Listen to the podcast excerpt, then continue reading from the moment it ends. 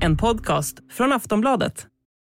Because this is fundamentally about the right of every nation in Europe uh, to decide its own future.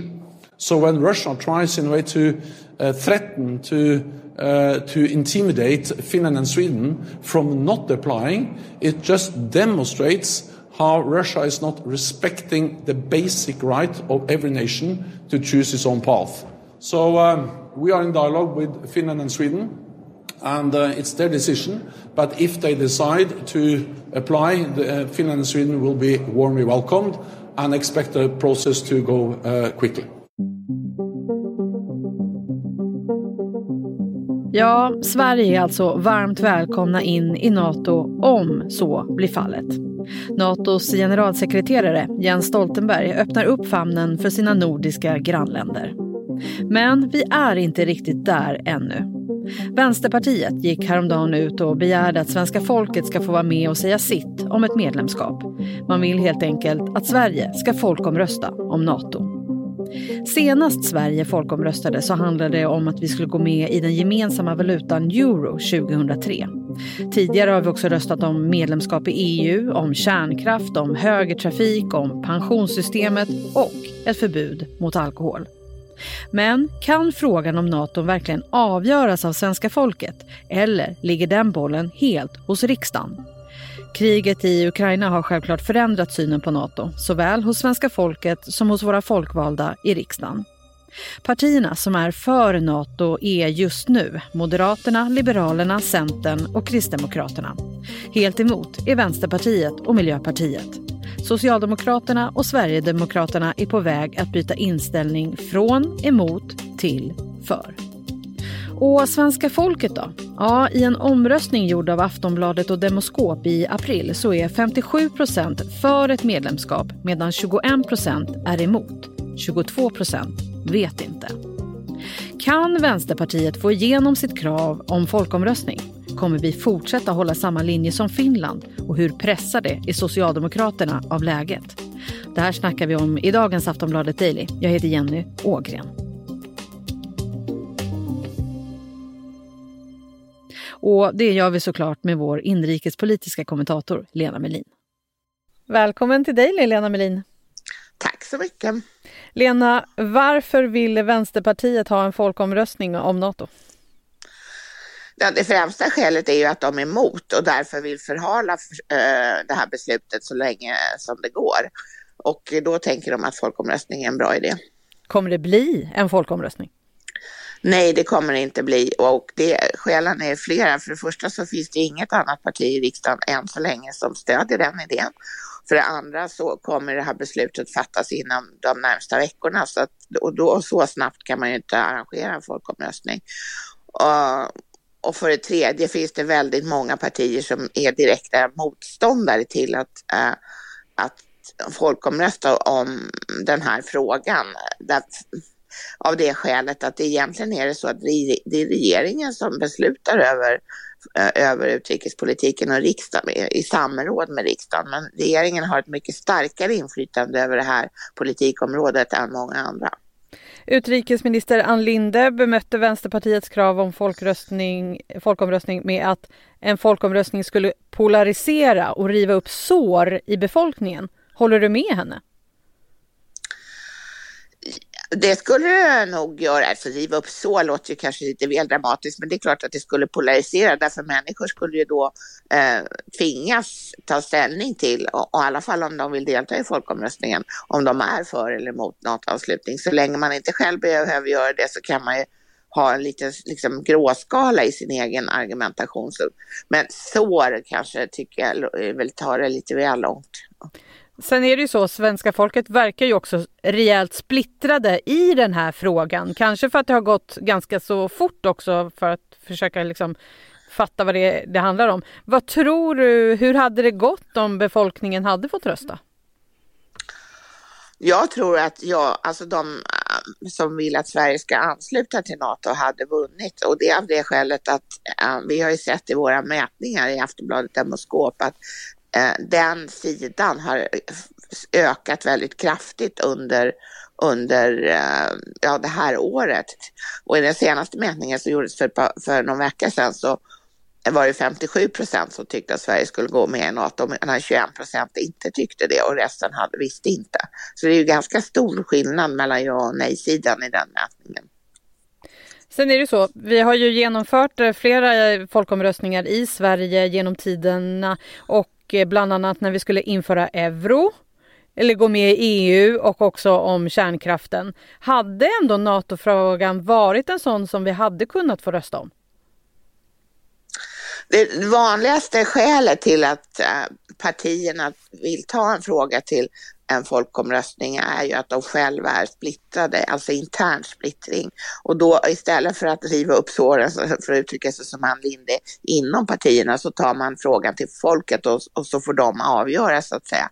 Det, nu är det ju så att i Sverige har vi mycket sällan avgörande folkomröstningar för att de, eh, de ska äga rum på valdagen om, om de ska vara avgörande. Men de har ju tolkats som avgörande även om de till formen är rådgivande. Sen om man går längre tillbaks i tiden så är det så att då har ju svenska folket till exempel röstat om vi skulle köra på höger och vänster sida och det var ju eh, det blev ju en, en förkrossande majoritet då för att behålla höger, vänstertrafiken men vi gick över till högertrafik i alla fall. Mm. Socialdemokraterna har ju tidigare varit rätt negativa till Nato men nu har man ju vänt här eh, ganska helt om. Vad innebär det för partiet?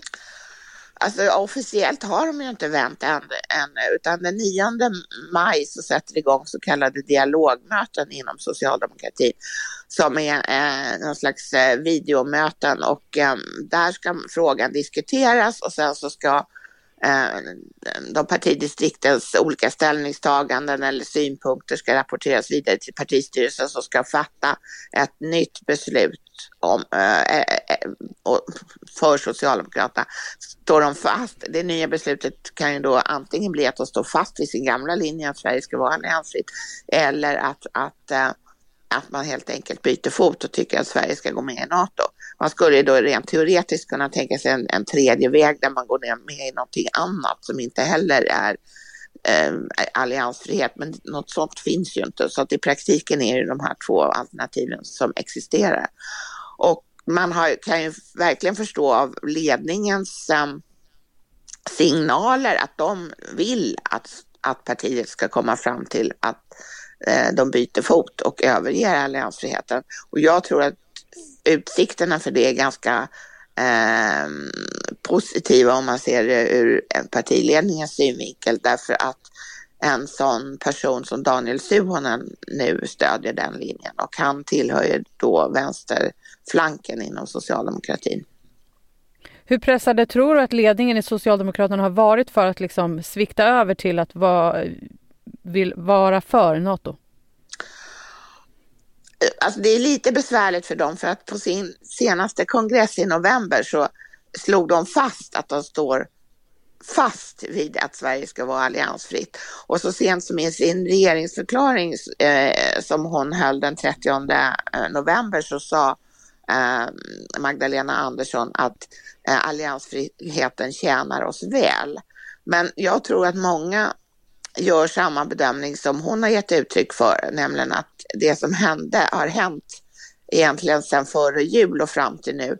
Det, det ändrar säkerhetsordningen i Europa på ett påtagligt sätt och det får konsekvenser för, för svensk säkerhetspolitik. Hon har uttryckt det så att det finns ett före och det finns ett efter 24 februari, alltså datumet för den ryska eh, invasionen, eller den ryska nya invasionen av, av, av Ukraina. Men egentligen så började ju det här långt tidigare och gick in i en kritisk fas före jul när eh, Ryssland i ett brev till USA meddelade att eh, Eh, Eh, de ville gå tillbaka egentligen till den gamla sovjetiska ordningen med en säkerhetszon mellan sig och NATO, vilket innebar för Sverige och Finlands del att vi då inte skulle få ha truppövningar på vårt territorium och eh, alltså med utländsk trupp och vi skulle heller inte få gå med i NATO, NATO ens om vi ville. Alltså vår utrikespolitik skulle bestämmas i Moskva. Och det är klart att det, så kan man inte ha det, eller vi kan inte ha det så. Sen kan man ju tycka att det finns andra lösningar än gå med i NATO. Men som sagt, eh, utbudet är inte så stort. Aftonbladet Daily är snart tillbaka.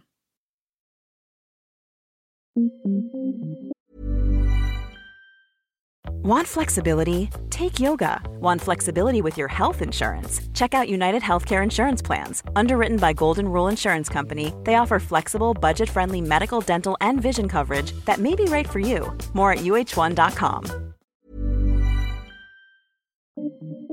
Häromveckan så mötte statsminister Magdalena Andersson Finlands statsminister Sanna Marin i Stockholm och de visade upp en gemensam front kring NATO-frågan. Och frågan är hur viktigt det är att vi gör det här tillsammans med Finland. Vi hör Lena Melin igen jag tror det är viktigare för Sverige än för Finland. Alltså fin, eh, om Finland skulle besluta sig för att gå med, vilket de ju uppenbarligen är på väg att göra, då, och Sverige skulle välja en annan väg, då blir ju vi en eh, liten ö omgiven av massor med NATO-länder. Alltså i, i, runt, alla länder runt Östersjön utom just Ryssland skulle ju då vara med i NATO, utom vi och dem. Mm. Och det tror jag inte är något eh, önskeläge. För då, mm, alltså Gotlands strategiska läge eh, är ju redan, gör att de redan är ganska illa utsatta, men i, i ett sådant fall så skulle ju Rysslands intresse för Gotland öka ännu mer och det skulle ju inte, det skulle göra livet osäkrare för hela Sverige. Natos eh, generalsekreterare Jens Stoltenberg, han välkomnar ändå både Sverige och Finland med öppna armar sa han häromdagen. Mm, det har han sagt jättelänge.